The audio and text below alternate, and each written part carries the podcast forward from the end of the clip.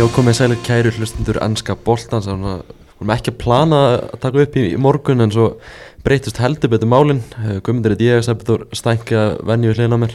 Blessa Gumi, þetta búið að vera viðbröðríku dagur. Viðbörríku dagur, hvernig hefur það? Ég er brákett. Um, í ljósum tíðanda dagsins þá erum við búin að fá frábæran gest í heimsótt Kristján Alla Ragnarsson Koppundris Þetta er það þar? Nei, Þú ert ekki þar? Bara harður stundismæði lögupúl grjótalir Grjótarður stundismæði lögupúl uh, Það ég held að flesti vita af hverju þú ert komin í heimsó um, Þessi stóru tíðandi í morgun Jürgen Klopp tilkynna hann sé hættu með með Leopold, ég var að, var að keira þar við skilabóði sem hann var hættur. Ég fór næst, fór næst Ég, he- ég held að við ætlum að ræða fósitakost Já, Við vorum að Þú ert að segja með? Eurovision? Kannski, nei.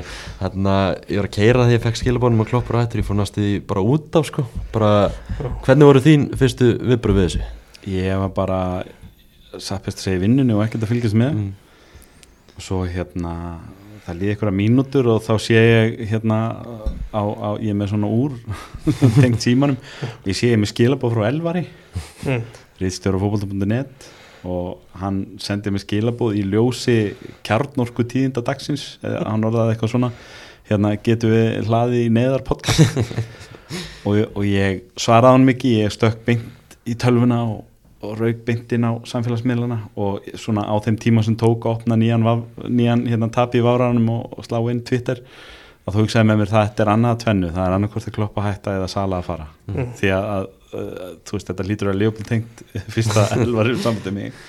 Og hérna og svo bara datt maður þrá beint inn í minnbanda Jürgen Klopp að segja bless. Já, þetta, þú veist maður getur alveg ímynda sig hvernig þetta er fyrir Leopold menn að, að, þú veist, að Jürgen Klopp sé hætta kannski bara svona, kannski svi- svipa svolítið og þegar Sör Alex Ferguson var hætta fyrir okkur United Það var náttúrulega öðru sekund mér Maður var búin að vera að býða svolítið eftir mm -hmm.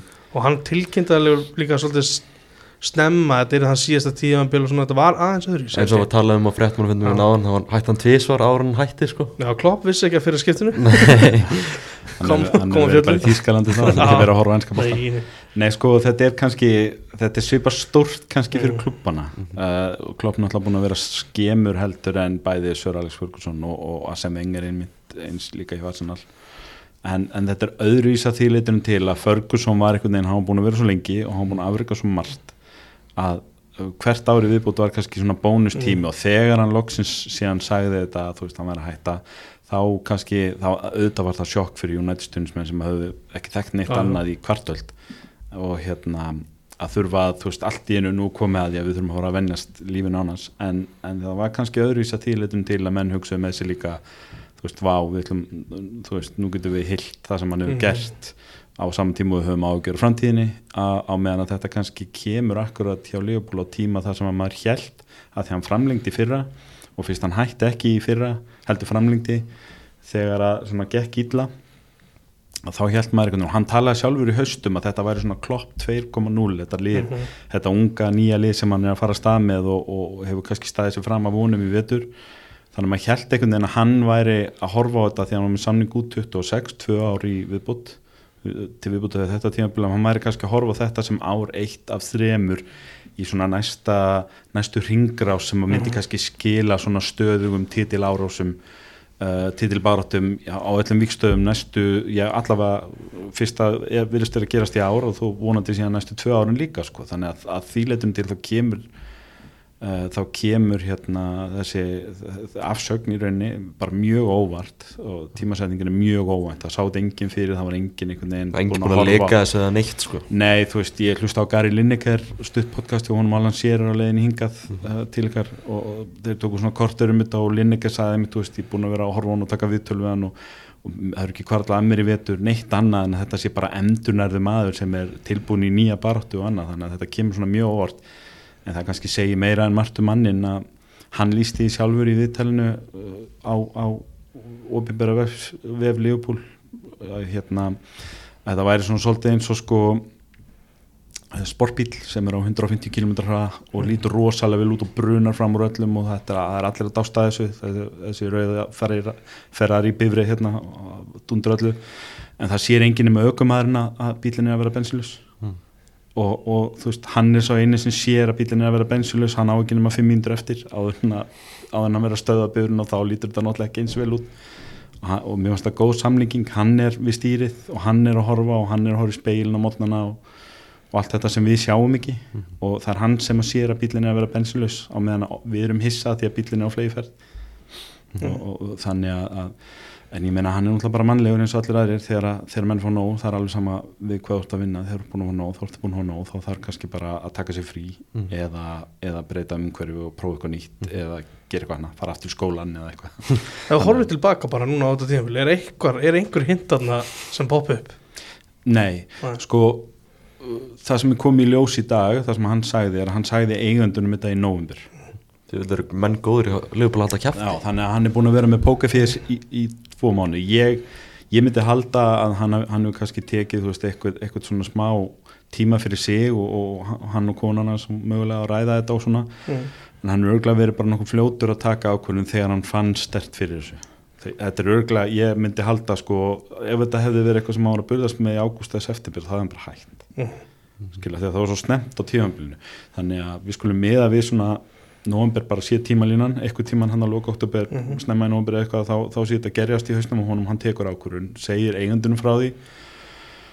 Og ég get ekkert lesið í eitt eða neitt Nei, sko, ég meina ég fór sjálfur á leik á Anfield í byrjun desember og þar var maður að lesa pre-match notes hjá honum í prógraminu á vellinum og, maður var að horfa á hann með fistbump eftir ennið sigurinn eftir leik og það var ekkert og við tölum við svona eftir leik og það var ekkert sem bendi til þess að þarna væri þreyttum aðra fær sko. En eins og ég segi, bílinn var á 150 Já, km já. hraða en hann var svo eini sem sá bensínmæli Klopp talar um, um það eins og segir í þessari yfirlýsingu að hann sé bara orðin orkulaus en samt sem veist, þetta kemur, eins og við höfum talað um þetta kemur bara eins og drumur heiðskjur lofti af því hann er til dæla nýbúin að framleggja við, við félagi Já, já, sko það er náttúrulega hérna, og, og hann sagði, hann var að segja núna blaðamannafundi að hann var alveg heill í því þegar hann framlengdi, hann sá þetta ekki fyrir þegar hann framlengdi fyrir árið síðan og, og skrifa undir nýjan samning út tíðanbili 25-6 tvö, rúmlega tvö ári viðbót.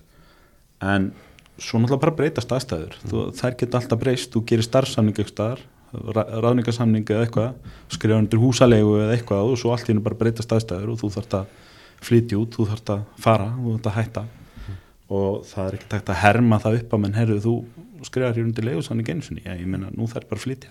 Skilji, ég þarf að fara á Akureyri. Mhm. það er bara aðstæður eru breyttar. Þannig að það er ekkert öðru sjónum. og Leopold var aldrei að fara eitthvað að halda honum þannig frekar en- frekar en hann vildi sko. Hvernig hefði þér átt að gera það? Já. bara, bara bust sér frá því að þetta sé Jörgur Klopp og ég myndi ekki vilja uh, vera sá sem að reynir að eiga það samtal við hann en, hérna, en bara hvernig, þú veist, þegar, þegar maðurinn vil hætta þá vil hann hætta. Og ég meina Leopold hafa verið í þessar stöð áður Kenny Douglas hætti mjög skyndilega. Einmitt svona ári eftir Hillsborough þegar menn held aukun en þetta væri svona kannski búið að jafna sig aðeins. Eða þú veist, jafna sig og ekki jafna sig en sjattlast og hann var búin að taka eitt tíðanbili viðbútt og vinna titilinn og, og, og annað uh, hérna, svo bara allt í einu hann var svo eini sem sá að bensínmælinn var að vera tómur og hann fór að tjáði eigendunum og svo sjokkir hann heiminn á blagamannafundi og við vorum ekki með samfélagsmiðla þá eins og nú þannig að menn fréttu þetta bara við að sjá í rauninni í sjónvarpinu eða, eða heyrðu af avís út á götu að daglis var að fara. Af því hann var svo eini sem sá að bensínmælinn var tómur og, og ég trúði hann þú veist, ég, eða, ég er svo sem ég á bara tíu ára þá en svona þegar maður hefur kynnt sér það eftir að þá trúi honum alveg þar sko. Að, að hérna, hann var bara búin að nóg og hann var það að hætta og, og þeir leiði hann það. En svo náttúrulega gerist þetta aftur hér og ég hef enga ástæði til að efast að neinu leitu um klopp. Auðvitað, þú veist, að fyrst, fyrstu viðbröð voru svona eitthvað, þú veist, heyrðu, er hann með Þýskalandslið á kantinum eða, þú veist, er hann búin að tala við París, þú veist, er eitthvað svo leiðis og ég sá um leið og síðan blaðamenn sögðu frá svona hálftíma setna að, að þjálfara liðans mun allt hverfa af síðunu líka yfirgefa klubin og þá svona hugsaði maður strax á, ok, þú veist, er hann að taka þjálfara liðið með sér eitthvað? En það verist ekki vera, hann, hann er alveg, hann er það svona afdráttarlaus í þeirri ástöðu sinna, hann ætli að taka sér frí núna og, og sjá svo bara algjörlega til. Þá ég bara, ég trúi því einhvern veginn. Ég er ekki vissum að hann, þú veist, myndi segja þetta svona afdráttarlaust til þess eins að vera svo orðin stjóri hjá bæjan í september. Mhm. eða eitthvað skilja að Þískalandsliðin eða ef þeim gengur ítla stórmót í sumar þannig að ég held að hann sé bara leiðin frí. En ég meina hann sagðist líka allir ásfríði þegar hann hætti með Dortmund. Svo fjórum mánuðu setna og þá var hann að klæja í fingurnar og kom til Leopold þannig að maður veit svo sem aldrei hvað framtíðin byrja skutt sér og maður á aldrei að sé aldrei en, en, en ég held að hann sé bara leiðin frí kallinn. Og verðskuldað. Hann er búin að þú veist, þetta, hann er búin að þjálfa þrjá klúpa sjö ár og núna 8 og halvt ár. Það endar í tæpu nýja árum hjá Liverpool. Og legend hjá öllum þeirrum klubum í rauninni besti þjálfar í sögu allra tryggja félag eða þú veist, eða kannski einn af svona tveimur þreimur hjá Liverpool skulle ég segja.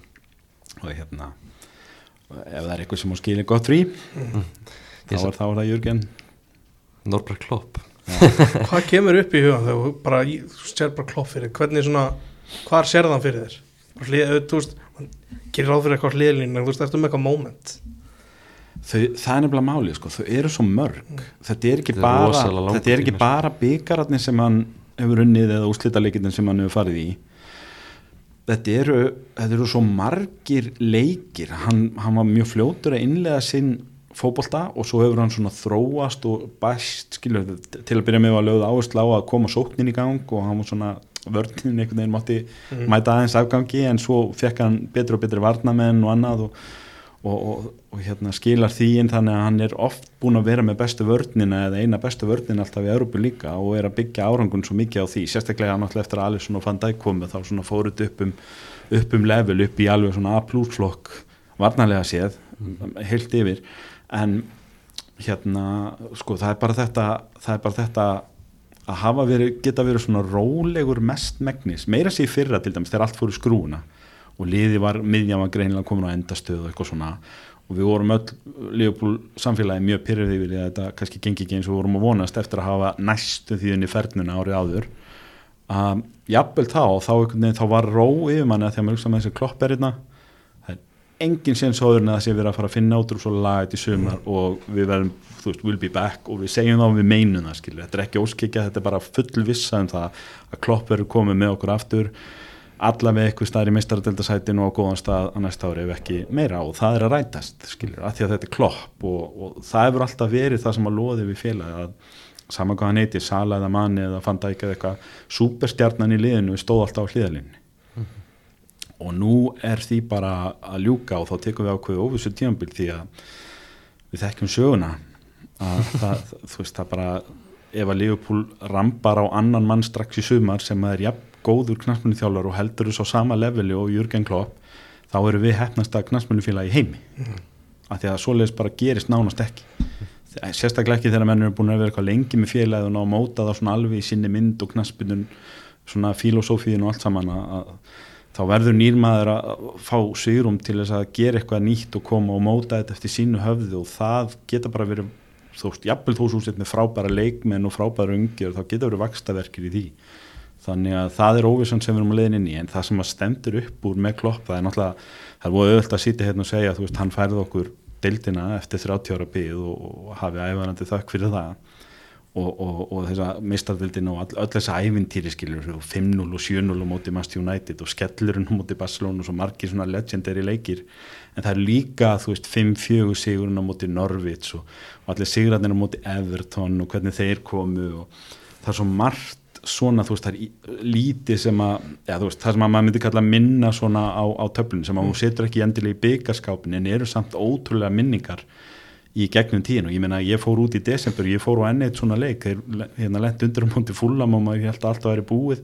Og svo koma tvö mörki lokin frá Vatar og Endo og Trent Alexander Arnold og allt í einu þú veist lappa maður út af vellin bara herri við vorum að sjá enn eina klassíkina í búið klopp. Hvað er aðeins og hvað er aðeins manni? Akkur þú veist þetta lið bara tapar ekki undir hans stjórn og þeir finna einhvern veginn alltaf leið til að koma tilbaka og það er alveg svona ótrúlega hátt level hátt magn af þessum legendary leikum, þessum leikum sem að svona, maður getur bara nánast alltaf hvenna sem er rifjað upp á YouTube eða eitthvað og komið sér í gott skap og ég hef bara aldrei upplegað það um mín æfi eins og þessi síðust átt ár uh, hjá honum að bara treysta manninu svona mikið og vita það að liðir einhvern veginn aldrei segra það er alltaf alveg möguleiki já, á, á einhverju bílar endur komu jafnvel þrjún og lundir gegn Dortmundi eða eitthvað skilju og og hérna það, það er svona einhvern veginn það sem situr í mér eiginlega meira heldur en einhverju titlar eða stakki titlar, hann er náttúrulega búin að vinna hvern einasta titil í bóði einu sinni nema Európa-deildina og við skulum þá bara vona að hann klári ferilni með Liverpool með sigri á henni í Dublin. Ef hann fer alla leið í Európa-deildinu þá sem við myndum helst vilja sjá þá er það mæntala lokalikun ég held að byggar og deild og allt verið búið þegar það er tækið úrslita leik í Dublin. Það er aldeilis skemmtilegu lokan ykkur á, á þessum ferli svona eins lengi og við vinnum þann leik að, að, að myndi náttúrulega ekki vilja að tapa honum.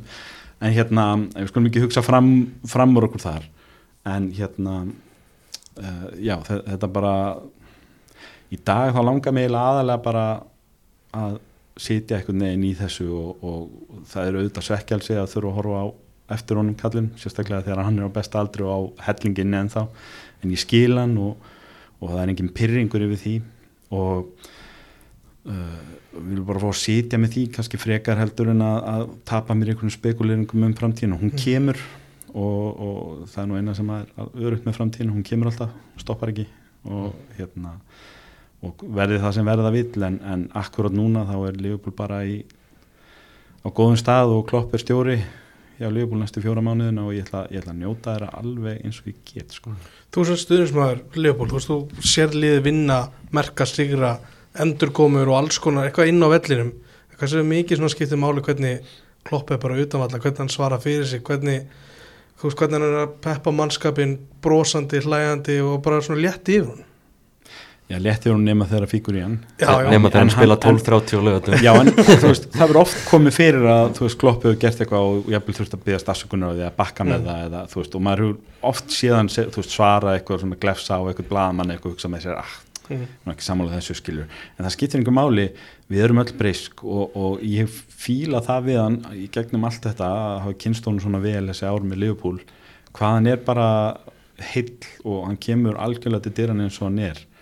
og hérna það er ekki, það er ekki mikil fjölmjöla þjálfun þarna að vera að reyna að þú veist einhvern veginn að presentera sig sem eitthvað annað en þú ert eða að reyna að gefa alltaf eitthvað svona sterila útgáfa sjálfur hann er bara klopp og hann er ekkert að tempra það veist, þetta er bara maðurinn sem að þú veist hérna, þú fær rísa famlað þegar þú kemur til félagsins og, og, og, og allt þetta sko, það er ástriðan á hliðalínunni og jafnvel þó sem hann þú veist, fari stundum í strikið og En, en ég minna þetta er líka bara eitthvað sem að uh, greinilega leikmenninir hafa brúðist við og stöfningsmenninir hafa brúðist við og mér er alltaf minnist eftir til dæmis á fyrsta tíambilans þegar að hérna uh, hann tekur við byrjun oktober og svo ef ég maður rétt þá var það í desember að þeir eru að tapa leika á heimaðall í deildinni fyrir Vestbromits Albion og ná í öfnunumarkinu Mm. seint í leiknum og hann var búinn að vera svona keira áorundur upp á hliðalínunni þegar að liði var undir af því að það var náttúrulega svo mörg ára áður og þá var já. liðbúlmenn búin að vera svo vanir því að það fór alltaf í pyrringin anfíld strax þegar að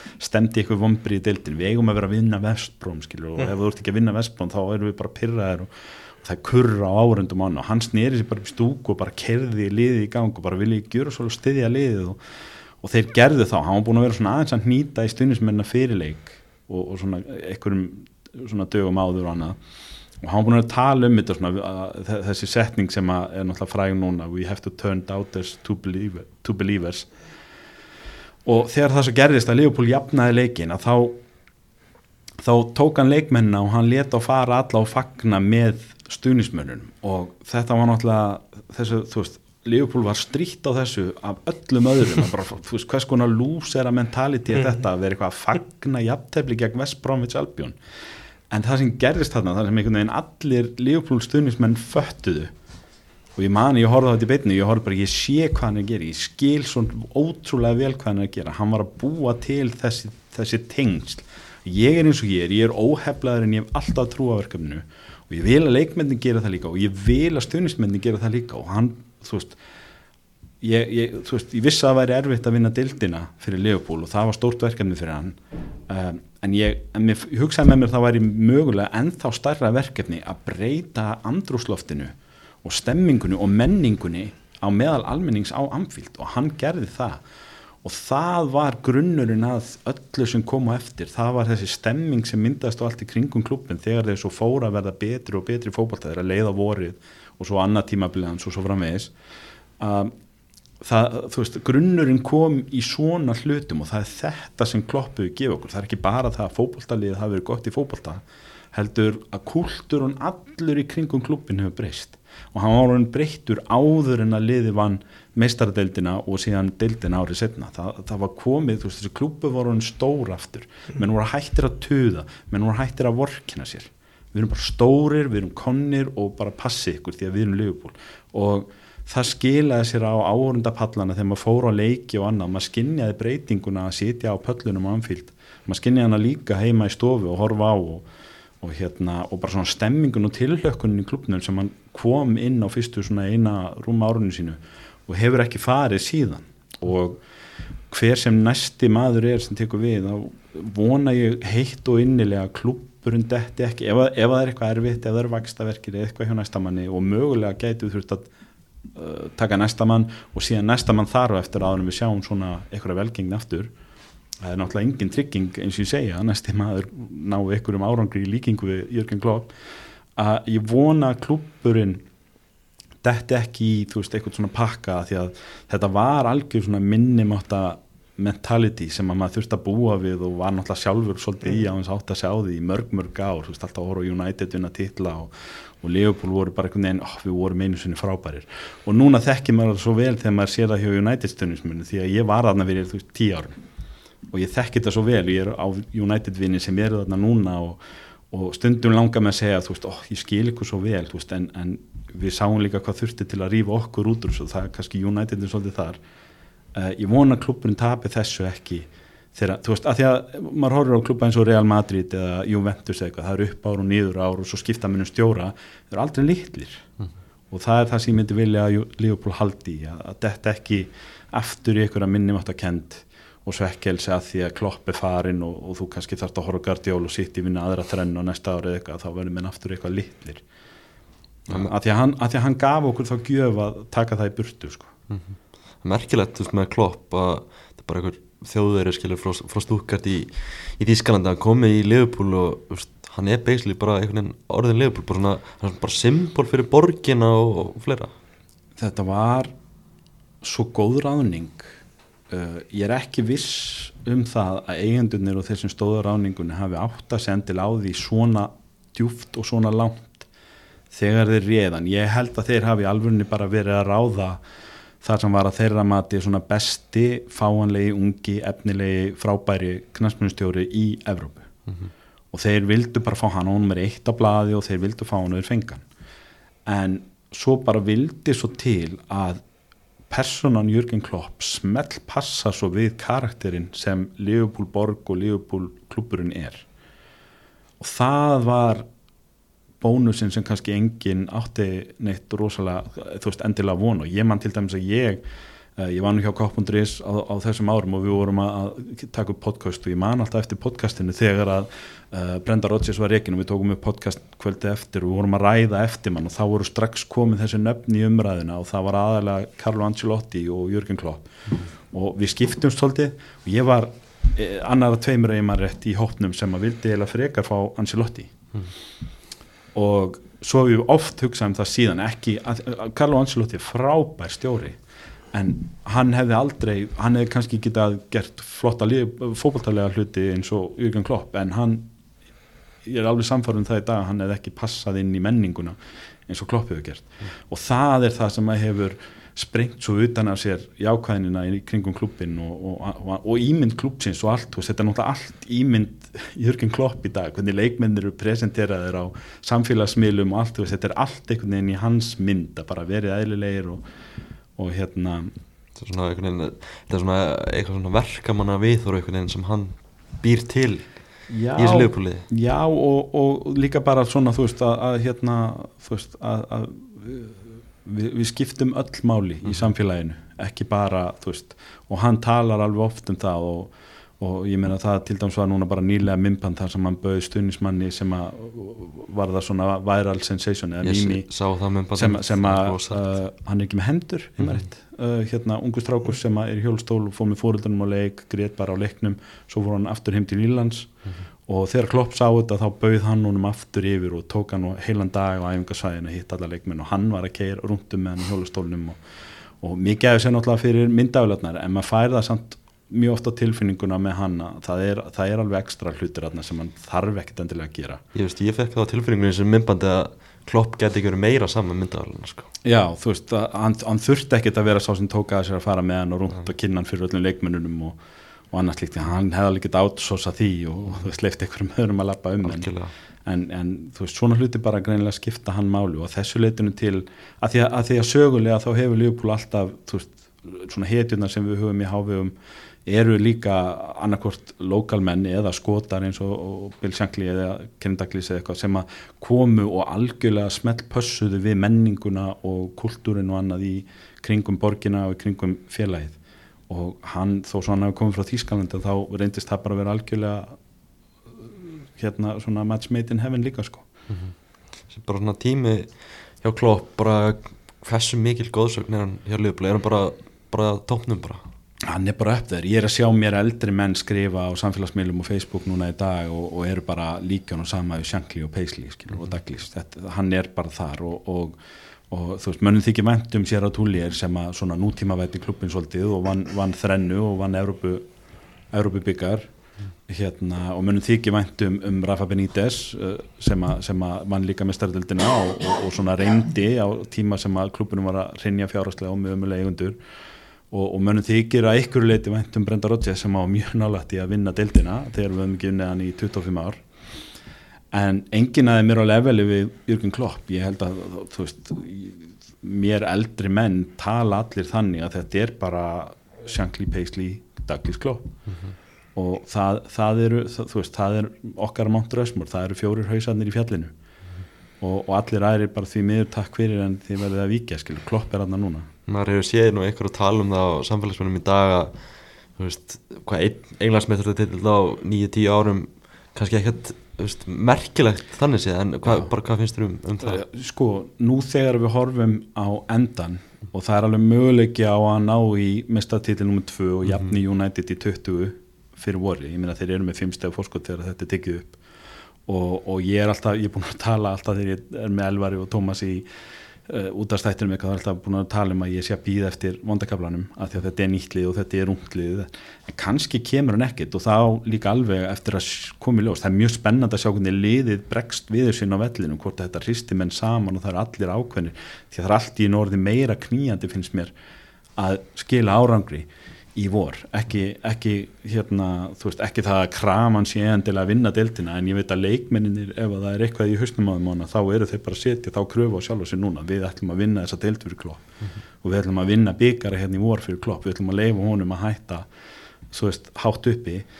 En hérna horfandi tilbaka þá náttúrulega mun alltaf það mun alltaf sitja okkur þetta svindl hjá Manchester City. Og við skulum ekkert fjölir það um það hér þegar við erum að tala um klopp en það vita það allir að það eru 150 á, 115 ákærlir sem eru teknið fyrir í haust, það verður settar einhverja stjörnur fyrir aftan þess að titla sem þeir runnu Leopold búið að fara þrísvar yfir 90 stíin og eru með eina deilt fyrir það, þeir ætti að vera með þrjár á þessu tíðanbili og það verður aldrei tekið af klopp skilur, það er ekki bara hægt að telja það sem hann gerði í deildartitlum eða einhver öðru. Þegar að þú horfir á það, þú veist það er miklu auðveldar að segja, heyrðu hann fór þrísvar í úslit meistardeldin en hann vann bara einu sinni. Það er miklu auðveldar að að þú vilt gaggrinn eitthvað að segja það, en að segja við hann þú vannst bara deildina einu sinni á 8 árum og lítur að, þú veist, það er ekki nóg gott. Þú glimtu því bara, horfðu á fótboltan sem liðið búið að spila í þessi 8,5 ár og horfðu á tölfræðin og horfðu á það, það þú veist, frá því að úrvastildin var stopnu eða sér, segjum frá því að deildin fóru þryggjast eða keppni, þá hefur það gest svo veist, átta sinni með eitthvað að lið fer yfir 90 stíg og þar af eru fjórusunum sitt í og þrísa liðupúli eitthvað. Og í öll skiptin sem að liðupúl fer yfir 90 stíg, tvö að þeim þá eru þeir samt í öðru seti, þetta eru einu skiptin í sögunni á, á þryggjast eða deild, í efstu deild á Englandi sem að lið fer yfir 90 stíg og vinnur ekki deildina, það eru þessi skipti sem að sitt í blokkaru okkur og þeir gerðu það eins og er bara nánast staðfest núna og maður býður eftir að það verði farið yfir það fyrir domstólinu svo þetta síðan loksins endalega staðfest og maður, þú veist, menn getur tala svona út af því að það fá á sig meðlamáli eða eitthvað að það vita það bara allir að það var haft rámt við til að finna þessa titla. Og hérna þannig að þú veist, auðvitað mun það sitja í mönnum að sitja, þú veist, auðvitað munum menn tuða eftir 30 ár þegar þeir hugsa um klopp og rifi upp svona fallega minningar og eitthvað um að hafa hort á þetta frábæra fólkdali sem hann bjóð til segja að það er synd að hann skul ekki hafa unni deildin oftar helviti svindlaratnir en í dag þá að, hérna, ég nenni ekki að hugsa um sitt í dag sko. ég er bara, ég, ég er bara að hugsa um Vilkin Klopp. Já, þetta er, þetta er náttúrulega rosalega tíðend að Klopp sé að hætta. Bara og tölum um bara um bara hveður Liverpool sem algjör góðsson, ég held að segja rosa mikið um hann að svona stuðnismenn erkifundarlega sé bara að fagna því að hann sé að hverfa braut. Já, já, ég meina það þýðir og þú staðið vel. Þegar, þegar allir hinn eru fegnir að losna við skilur, eða þá þú ert liðilegast að maður í jarriki, það er annað tvennu. En hérna svo náttúrulega má maður spyrja sig kannski í, í kjölfarið, veist, þetta hefur verið svolítið klopp gegn Guardiola undanfærin ár. Og maður spyr sig að því að Guardiola svona hálf örmagnaðist hjá Barcelona og, og vildi ekki framlengja á bæinn að því að hann var búin að fá nóð þar uh, hvað á hann mikið eftir og hefur þetta kannski einhver áhrif á hans ákvörðum, verður hann endurnærður og sér fyrir sér að geta ræðið hann til næstu árin eða, eða segir hann, heyrðu, þetta er búið, ég hefði betur. Og stíði frá borði í voru eða, eða jafnvel næsta ári eða eitthvað sko. Og, og, rétt hvern, og hvernig lítur deildalandslægið út þá þegar Klopp og, og Guardiola eru farnir? Að- hverju hefur Guardiola að keppa núna? Bara hægt að hann fór borgað. Já, já veist, hann langar kannski aðra snekki í Dubai. Ég, þú veist, ég sé það ekki sem motivation hjá honum sko nei, nei, ég, þú veist hann er að fá sjúklega vel borgað, hann Já. fengi það alveg annar stað líka sko. Ég hugsa einmitt, þetta er góð punktur, ég held að Guardiola geti alveg kallað þetta gott bara mjög fljóðlega Já, það, City. Ég, ég veit ekki. Þetta kom okkur óvart með klopp. Mm. menn haldi einhvern veginn að fyrsta Guardiola hætti ekki eftir þrennuna í fyrir að þá sýta komið. Kannski er hann að eiga sömu samtöl við sína konu og kannski er það búin að segja eigundum hjá City eitthvað. Mm. en þú veist það eina sem er örd í þessu er það að, hérna, að, að hlutindi breytast og kynnslóð tekur við að kynnslóð í fókbaltanum og þjálfararnir eru þú veist, hérna, engin undating það er ekkert langt síðan okkur fannst þú veist, Sör Alex Ferguson og Arsene Wenger bara dominandi en svo allt í hennu voru Mourinho og, og þú veist okkar Rafa Benítez og eitthvað konir hann inn í þetta líka og svo, var, svo voru Conte og Ancelotti og eitthvað konir inn í þetta og þetta svona kemur og fer og nú greinilega þessum tíma er að ljúka hjá Liverpool og Klopp og ég held hvort sem það er í árið og næsta árið eftir tvö ár það er ekkert langt eftir hjá Guardiola og Mm. þá allt í nú lítur landslæði allt öðruvis út. Kannski, kannski horfa til dæmis eins og Arsenal og segja við erum búin að setja hérna þrjú ár í art þetta Mhm. tímabilið. Og þeir eru kannski á flottum stað ef það kemur einhver evi eða skjálti í Liverpool City til þess að taka við og vera liðið ef allt þetta heldur að hann gera góð hluti. Þannig að veist, það, það getur verið það sem er spennandi. Og ég get alveg loðið því að svona hlutir hafa til dæmis áhrif á eins og dæmis hvernig United ætla að hafa sína endurreist núna þeir Talið hugsa alveg, pottet. með sér núna þeir eru kloppir að fara, Mm. er ekkert langt eftir á Guardiola Mm. okkar tími er að koma aftur skilur, nú er lag Sala er hvað, 32, 30 eða eitthvað. Já, svo, veist, það verður náttúrulega komið ljós hvað verður um leikmannhópin þegar klopp hættir og kemur nýr, nýr maður hann vil kannski spila öðru þessu fótbolta og þá kannski þýðir það leikmannabreitingar Mm. kannski verður eitthvað óvænt þar allt í einu vil nýr maður ekki spila trend í einn stóri rullu og klopp hefur gert eða eitthvað sko, við veitum til dæmis að Gary Southgate hefur aldrei haft sömu trú og trend á Jürgen Klopp. Mhm. og hvað sem hverjum finnst um það þannig að það getur ímislegt svoleiðis breyst en ef ég, ætta, ef, ef ég yrði að leggja peninga upphæðir á einhver leikmanna einhverju leikmannabreitingar í sumar þá, þá myndi ég svona tilneittur setja þær háu peninga upphæðir á að Sala fara ég sé hann ekki endilega fyrir mér 32 ára, búin að vinna allt. Ég get ímynda mér að hann segi bara nú er komið gott stígin í peningana í arabísku deildinni sem að er í búið þar fyrir hann og líka borðinu hvenna sem hann vill á og, og, og hver sáttur með klopp? Ég geti ímynda mér að það sé leikmaðurinn. Svo kannski gerist eitthvað annað en svo kannski allt í hún er Alisson farin líka eða eitthvað skilur Ma, maður veit það ekki, það, það geta verið eitthvað ákvarðan það getur verið að það sé eitthvað leikmenn sem okkur grunar ekki í dag sem að segja bara, heyrðu, ég, ég hérna, bara þú veist, takk fyrir mig og, og ég ætla ekki að taka þátt í nýri uppbyggingu, nú ætla ég að fara á kassa inn og, og, og prófa eitthvað annað. Það er alltaf ekki langsótt pæling með Sala því að þú veist, þessi aldur, þú veist, Leopold getur líka bara hortið það það getur verið rétt tíminn bara hvað? Já, já, nákvæmlega, þú veist, hann er svona eins og þú segir, hann er svo eini sem að maður myndi segja í dag sé ekkit endilega langsótt, þú veist, ef ykkur er að segja hérna, Mm. ég spái því að Sala færi sumar, þá er þetta ekkit eitthvað bara, heyrðu, langsótt. En, en ef, ef ég myndi segja, ég spái því að þú veist, Trent færi sumar já, eða, það eða sóboslægi eða eitthvað, þá myndur þú kannski segja, nei, ha Mhm. hvað, hvað ertu nú að gera, en það gæti alveg geskilu það gæti eitthvað óvænt gesk, allt í einu kannski vil Trent fara til real í sumar eitthvað, þú, maður veit það ekkit hvað verður. Þetta náttúrulega hleypur öllu í uppnám uh, eftir fyrsta júni en, en eins og Klopp er búin að vera mjög ötull í að leggja áherslu á í dag að þá hérna uh, þýðir þetta alls ekki að þetta sé einhver farewell tour, hann er bara í vinnunni þangað til að hann er hættur í vinnunni. Mm. og hann laði greinilega áherslu á það við leikmenninu og annað í dag að þetta breytir yngum það sem þeir eru að gera sko. Og þeir þetta mun gera það, ég held að hann get ekkit stjórnað öllu, ég held að hann muni sjá það strax í byggarleiknum við Norvits á sunnudaginn sem að var svona bara einn af þessum leikjum á Anfield Mhm. þangað til þessi tilkynning kom í dag. Það verður allt vittlaust á vellinum á sunnudaginn. Og við vitum að Jürgen Klopp er ekkit sérstaklega hrifinaði þegar þeir eru að syngja hans nafn. Ekki fyrir að leiknum er lokið. Þá, þá gefur hann mómentið. Hérna, það er svona ákveðin sáttmáli sem að menna ekki alltaf virt og hann hefur stundu verið pyrrar á því. Hún finnst það er að syngja bara um leikmennar sem er að spila ég er ekki við sem hún verða ósksin á sundaginn sko. Mm. Hvernig, bara hvernig einmitt heldur þessi síðustu fjóru mánuðir verði bara fyrir, fyrir liði? Heldur að menn haldi einbendingunni?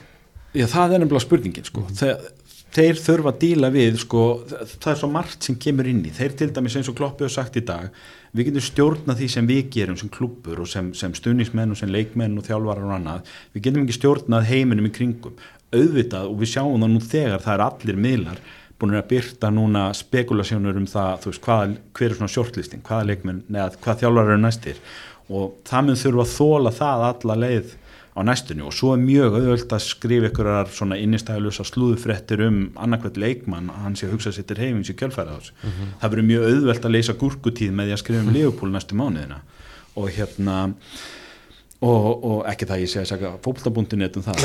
Fagmenn fram í góma sko. ég ætla nú að fá að komast hérna lífand út á eftir Gætum bætt nokkru við, mólum við Páriðsklúri Kristján Allir segir Prensi á leiti Barcelona. Hérna, Svíin hérna kar. Nei hérna þú veist það, það, þeir munu þurfa að þóla rosalegt distraction næstu mánun þetta þessi háfaði fyrir utan girðinguna verður mikill og spekulasjónir og annað. Og svo, getur, svo er aldrei að vita nema þú veist að verða allt í hennu bara tilkynnt. Þú veist rétt fyrir páskað eitthvað á augur stundi að þá kannski leki allt í nút frettir heyrðu, þessi þjálfur er búin að semja við Leopold. Mm -hmm. og, og þá þurfa að menna að þóla það þú veist að vera jafnvel mögulega að spurðir á blamar og finna hvað hva finnst þér hérna um þennan, þennan sem er að fá að taka við liðinu? Og eitthvað svona þegar að mennir er bara ég er að reyna að innbytta með bara stórleiku í Master City hérna, mm. getur við talað um hann? Þannig að það er ímislegt svona sem að þeir munnu þurfa að þóla en svo er þetta náttúrulega líka bara spurningin hvað gerist innra með mönnum. Uh, ég veit að út af við innan félagsins og innan svona hópsins munum en allir segja það sama. Bara heyrðu við, við gerum þetta fyrir klopp og við gefum allt í en ég menna það er bara business as usual, við höfum alltaf gefið allt í og trú, höfum trú að við vinnum alla leiki og ætlum okkur að vinna alla dittla og það mun ekkert breytast. En það verður kannski svona það verður kannski svona mönnum kannski mun líða eins og að sé meira kníjandi eins og sé að bregðast honum ef þeir vinn ekki deildina, verandi fimmstu miður þegar hann tilkynir þetta. Og allt svona, við vitum hvernig til dæmis sagan er skrifið eftir á, hann er með fimmstega fórskot þegar hann tilkynir þetta, ef hann vinnur svo ekki deildina, þá verður það alltaf tólka sem ykkur mistök, hann átti ekki að segja frá þessi januar skilja hann átt að býða en, en við vitum að það eru margir faktorar. Hann er búin að segja einhvern frá þessi nógumber ég held að við munum að munum koma fljótt í ljós af hver hann er að segja frá þessu núna. Og hann er meira að segja sko hann tók blagamannafunding uh, fyrir leikin gegn Norwich gær. Ja, og svo er verið að segja frá þessi dag. Mm -hmm. og mig grunar að það sé eitthvað að koma á næsta leiti. Það er að segja varandi mögulega þjálfaraleit félagsins mm -hmm. því að það er alveg ljóst að þeir þurfa að gera það á meðan kloppir í gangi -hmm. þeir geta ekki bara eitthvað að þakka honum fyrir og, og setja honum til bíl og loka hurðun og veifa honum bless og ætla svo fara að leita stjóra fyrsta júni þeir, ef það er eitthvað vitið um hafandi vitað að þetta sé nógumbeður þá er þeir allavega að byrja að vinna rosalega vinnu innan hús skoða alla stjóra sem er í bóði og reyna að finna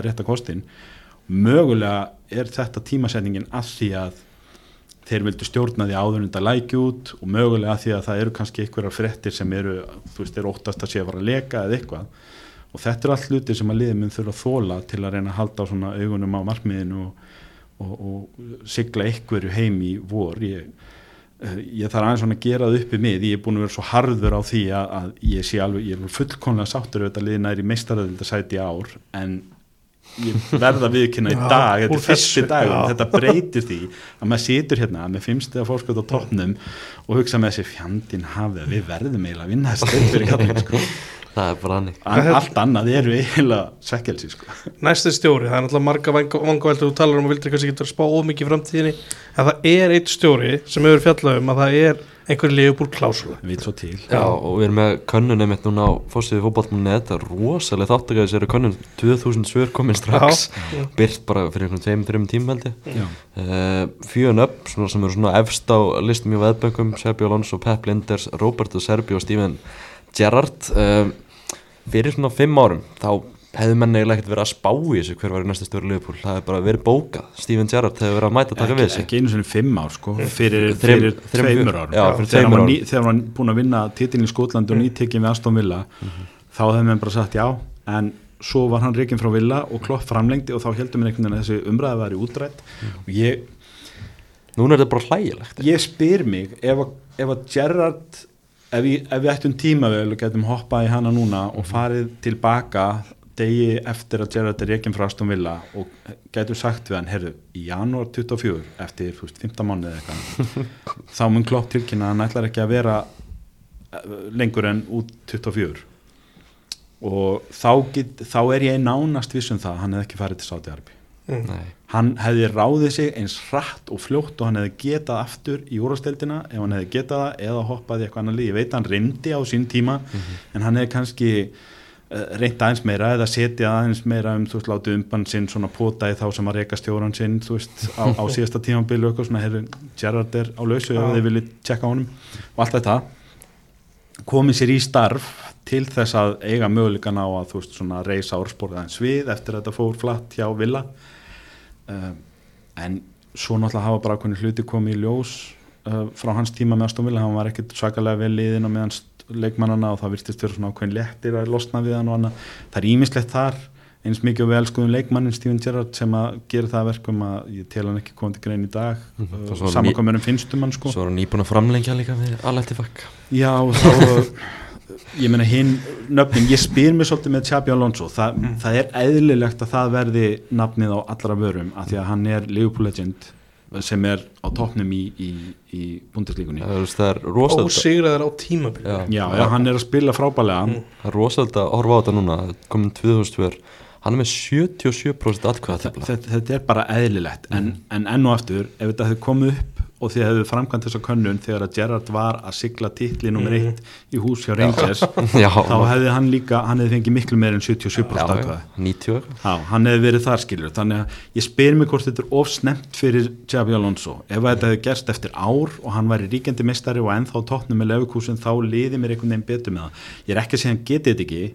Það er bara eins og með alla 50-50 það er ekkert sure thing í þessu nánast hérna og, og, og ef það er eitthvað thing í þessu þá er það maðurinn sem er alveg búið dittnar skilur þannig að við verðum alltaf að kasta teningunum saman hver það verður. En ég, ég veit ekki, svo er hann náttúrulega hann er að, mikið í þessum tiki-taka stíl, pressustíl sem er öðruvís en það sem Klopp gerir, það myndi kalla á kultubreitingu, það er ímsa svona ákvarðanir sem kom inn í þetta, kannski ákveða stjórnarnir til dæmis uh, og svo geta mér rætt að hvort það væri mistökuð ekki, uh, United til dæmis ákvaða að reyna að halda svolítið í kulturinn með því að fá svipaðan persónuleika og svipaða típu í starfið og Sir Alex var nema náttúrulega þeir fengu dæget Sir Alex sem að halda runninni. Glemdu líkiladrínu sem það er að vera maður sem getur runnið eitthvað skilur uh, hérna, ekki það að gera lítið úr David Moyes en mér finnst ég ekki vera að sparka líkandi mann að segja uppátt að hann sé ekki Sir Alex Ferguson þegar kemur að titlum.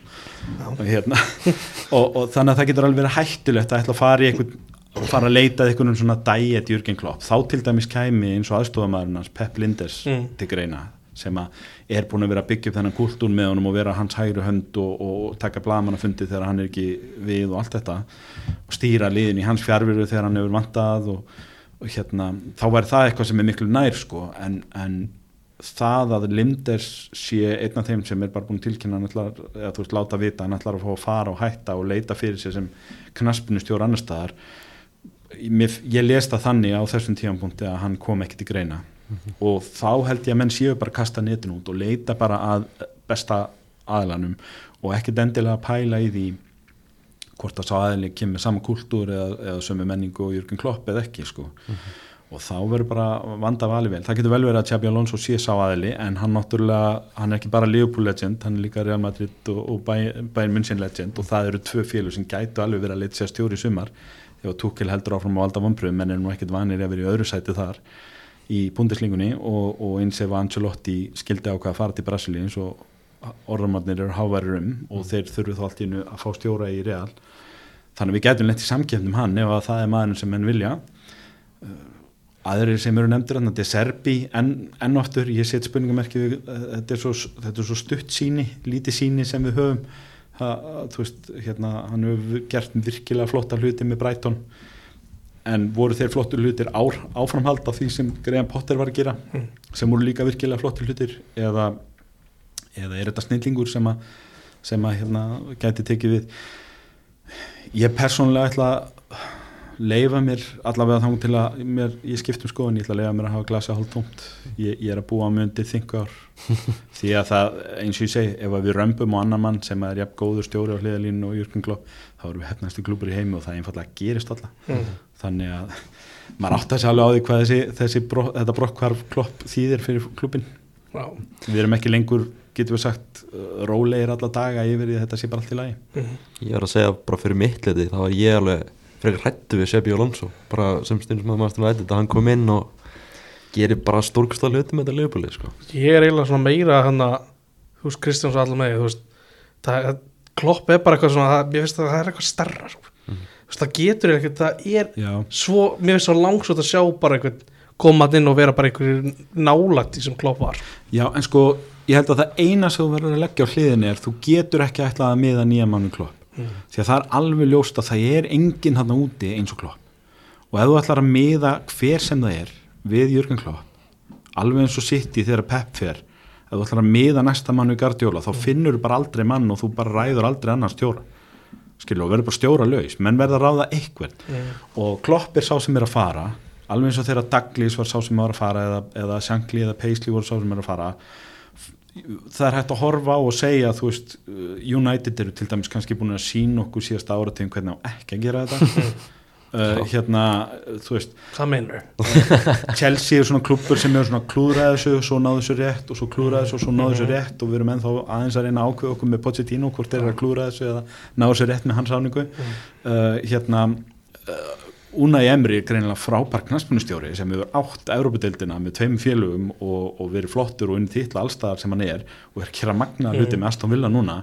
Hann átti eiginlega aldrei sjens verandi sá sem hann tók við að sem engir Nei. Ég held að myndi eiga meiri, miklu Það meiri sín- sens núna sko. já, já, það sýnur okkur bara kannski þarftu að reyna einu sinni bara að því að það er svo erfitt það er svo mikið þú veist það er svo mikið viðbreið fyrir allt í klubnum að þurfa að venjast nýjum manni stuðnismenna, leikmennina, starfsfólkið menninguna, allt saman að það er bara rosalega erfitt og kannski er næsti maður bara þú veist, döðadæmdur frá byrjun bara að því að hann er ekki klopp mm. og við þurfum kannski bara að fara í gegnum okkar Unai Emery eða okkar David Moyes Já. Áður en að við getum svo kannski að rampa á réttu lausnina. Það getur vel verið að það sé það sem að liggur fyrir en auðvitað hugsa mér ekkit svona. Menn get ekki sagt bara eitthvað herru við finnum ekki annan klopp þannig að köstum ykkur í þetta, reikum þann gæi eftir ár og, og, og ráðum Tjabi Alonso. Mm. skilju það er ekki hægt að hugsa svo leiðist þannig að þú reynir að ná þessu rétt núna og það verður mjög spennand að sjá hvað hérna hvað þessir eigundu gera því að gleymið því ekki, þeir tóku við þegar Rói Hotsson var með félagið uh, með lið Rák og hann, í rauninni voru þeir ekki dornið nógu miklir fótboltaheilar til að vita á þeim tímapunkti hvað þeir voru að gera. Þeir stuttust svolítið við bara svona veist, þá var pressan utanfrá að losna við Rói Hotsson og þeir voru með greinilega fótboltaráðgjá á kantinum sem að sögðu þeim að það væri búið. Og það sem gerðu þá voru náttúrulega þeir ringdu bara í legendi og báðu bara dagli sem að sigla stýra þess að við vitum ekki ennþá hvað við erum að gera, getur þú stýrt þessu og hann gerði það í eitt og halvt ár en svo þá voru þeir svona töldu þessi vera konni með fætuna undir sig stöðuga í þessu og voru konni með yfir með knastmunum ála og annað. Og letu hann fara og ákvaða að fara í aðra átt réðu Brenda Rodgers og það virkaði næstu því. Og svo kom Klopp og virkaði. Þannig að þú veist, track record þeirra er Douglas Rodgers Klopp. Og Douglas svona bjargaði því sem bjarga varð og fór næstu með liðið Erbúslit uh, og vann byggar uh, Rodgers var næstu í deildina og, og áðan að það fór halloka og Klopp gerði það sem Klopp gerði. Þannig að þú veist, track record er alveg fínt hjá þeim í, í þjálfarráningum það segja sig bara rétt svona við parið. Nei, mjög já, já, ég meina svona heilt, heilt yfir. Ég meina, þú veist, Brenda Rodgers var næstu búin að vinna deildinni ég mun aldrei taka það af honum og kalla hann eitthvað flopp sem þjálfara bara því að árið eftir árið eftir að Suárez fór og Daniel Sturridge meittist illa var ár sem allt fór í skrúuna ég mun aldrei taka það af honum, sko.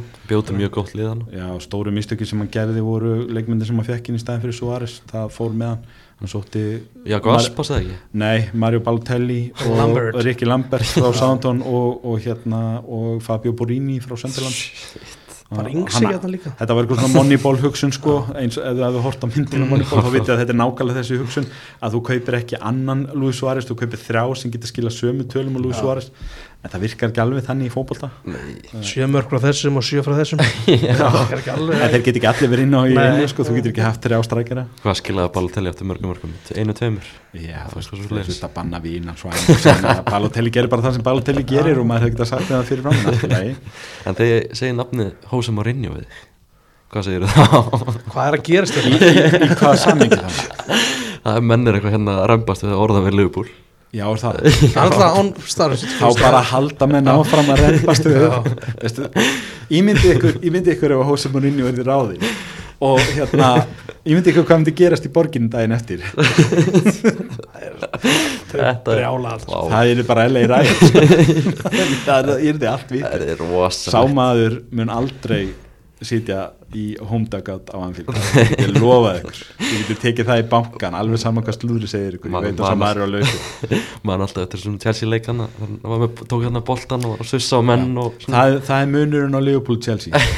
Chelsea ríður Rafa Benítez. Já. Já, það, það, þetta munu ég á meira að segja Chelsea vinni og einn góðan frænda sem er mikill Chelsea maður þeir munu aldrei skilja þennan mun. Nei. En þetta er munur og hann er þarna. Liv, alveg eins og það að, að hérna, Liverpool myndu aldrei ráða Sir Alex Ferguson þó svo hann sé klálega besti knaspunmaður sinna kynsluður og mögulega alltaf tíma. Þeir myndu bara aldrei ráða mm skilur og, og, hérna, og, og, á sama hátt þá held ég að United myndi aldrei ráða klopp. Ekki nema bara þú veist, að að þeir þurfa það eða eitthvað. Ekki nema menn séu nóg desperate, þá kannski myndum menn taka eitthvað en í þeirri stöðu sem Liverpool er í dag nei, bara ekki séns. Jafnvel þó að Mourinho væri ennþá að vinna titla hægri vinstri hér og þar sko. Það eru stóri leiki framöndan hjá Vist, ég er búin að vera að hugsa svona af hverju emitt er kloppa tilkynna núna og hugsa tilbaka ég hugsa til leiksins á móti Manchester United. Þess að var rosalega svona döfti yfir öllu einhvern minn stúkunni. Ég veit ekki alveg, þú veist, ég hugsa líka núna örgla miða verið að fara, þú veist, rjúk upp hefur það góri og stemninguna eitthvað en þeir sem allavega mæta, þeir vita herðu, þurfum að klára þetta með honum. Skæti þetta ekki verið eitthvað þannig það verður bara stemming og spennustík á vellinum Mm. það, alla leikina, því að þið verður átt ykkur á því það er ákveðin hópur hluti á stjórnismunum sem mætur alla leiki. Mm. ásmiðahafnir sem koma alla leiki á Anfield og allt þetta.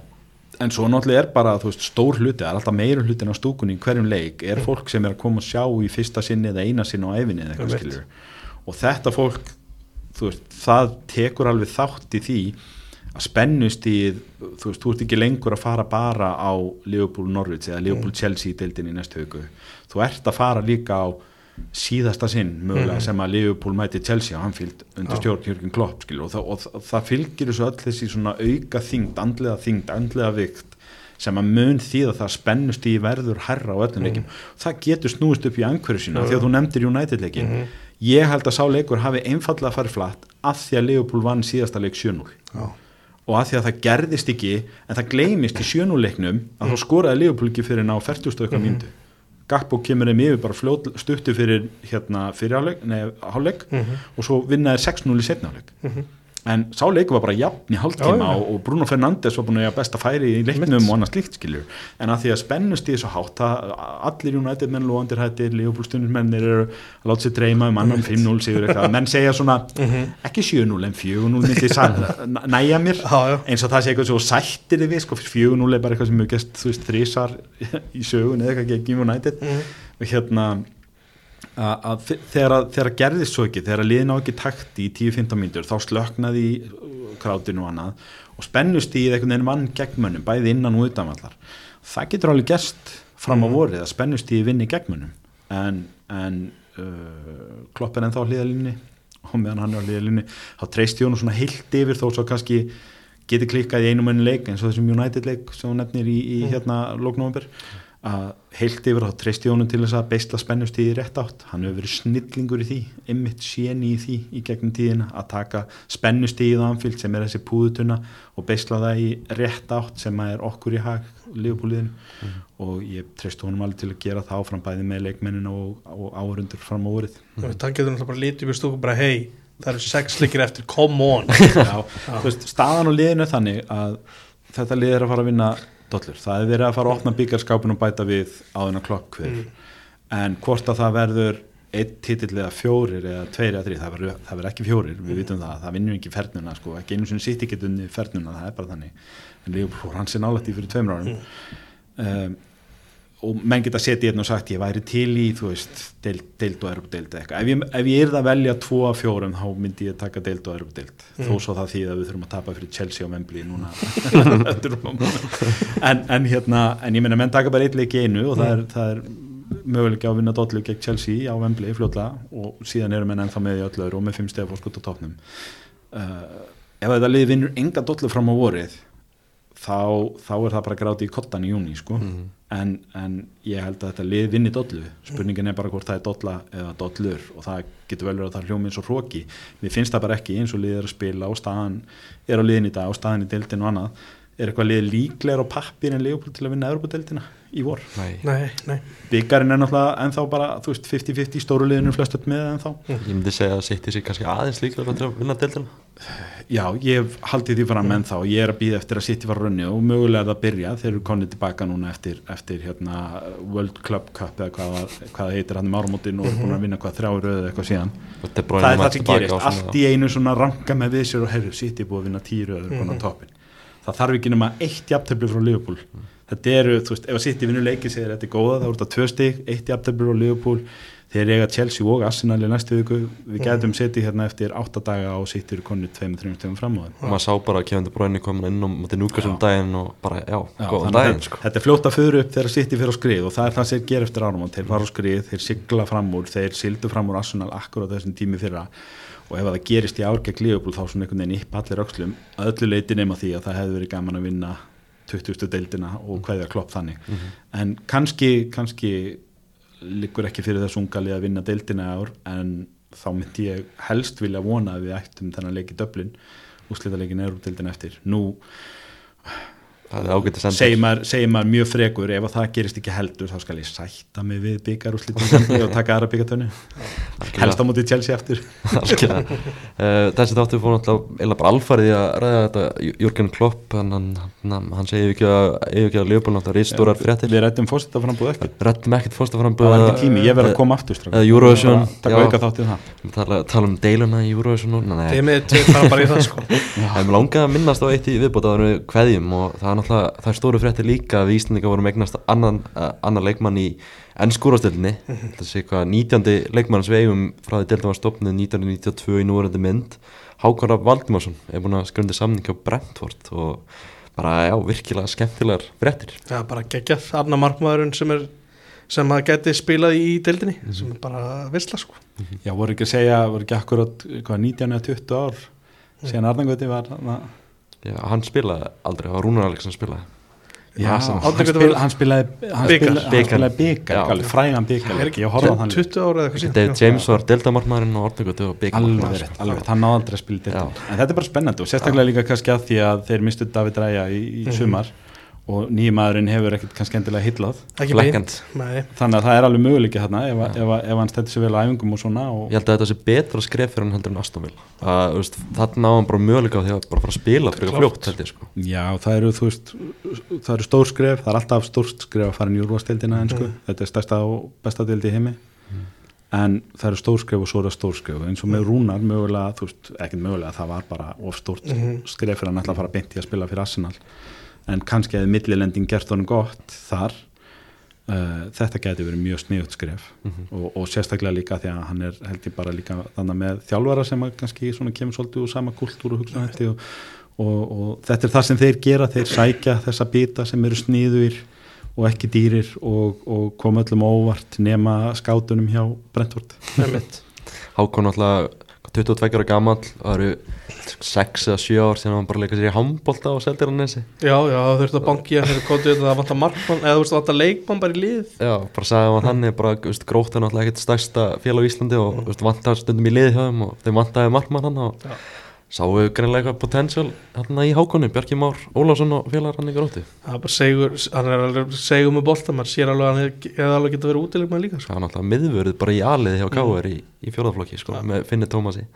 Þetta er bara, sýnir líka bara svona, eins og Dóra Átna sagði í vikunni það er engin rétt leið í þessu. Nei, og aldrei á seint að að byrja þetta hann er líka með veist, það sem ég hef heitast af hann er mjög kaldan haus hann er, hann bara stendur bara við það sem hann ætla sér að gera, hann fer út í boltana hann er ekki ofhugsa hlutina er mjög slagur málið að hann að leikstilin hjá gróttu sem hann var í hjá gróttu og náttúrulega gerði fullt af mistökum þar og fekk svona fullt í reynslubokka þar og með góðan þjálfara með sér sem tók bara á sig mistökin mm.